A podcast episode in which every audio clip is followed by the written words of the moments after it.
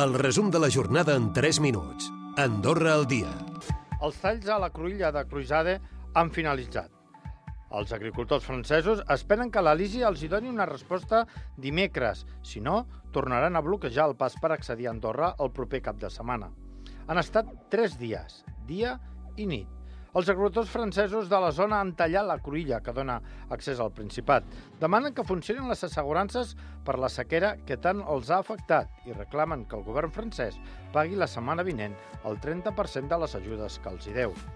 El subprefecte de Prada ha visitat els pagesos per escoltar les seves demandes i ells han assegurat que si dimecres no reben una resposta, divendres tornaran i s'hi estaran tot el cap de setmana. Escoltem Cristian Tallant, portaveu dels pagesos de la Cerdanya francesa.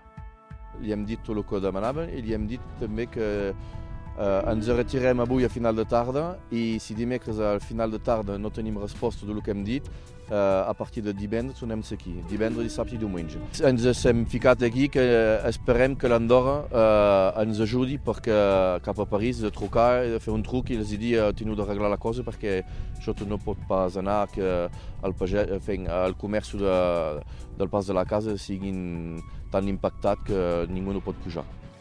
El govern d'Andorra manté converses amb la prefectura d'Arieja per veure com evoluciona el tall i si les processes s'allarguen el pròxim cap de setmana. Els talls a les carteres han perjudicat els negocis del pas de la casa per la manca de turistes francesos. La restauració ha fet caixes inferiors al 50% del que és habitual. La mirada està posada en la setmana vinent.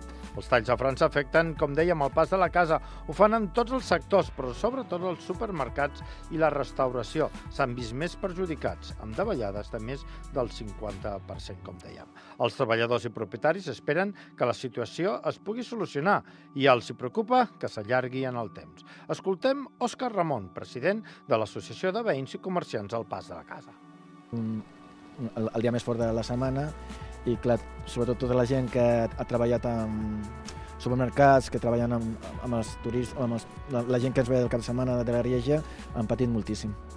No sabem si això es reproduirà la setmana que ve i, i ara vindrà el principi de, de, de febrer que normalment funciona molt bé i sobretot la, la segona setmana que ja és Carnaval i si es reprodueix altres setmanes sí que ho passarem molt malament. D'altra banda, aquest diumenge ha estat el dia de la protecció de dades. La videovigilància cada vegada genera més consultes a l'agència andorrana, especialment quan s'instal·len càmeres en el lloc de treball. Des de l'organisme recorda que en cap cas han de servir per controlar el treballador, sinó per seguretat. Molts treballadors sospiten que se'n fa un mal ús i desconeixen exactament quina és la seva funció. Recupera el resum de la jornada cada dia a AndorraDifusió.d i a les plataformes de podcast.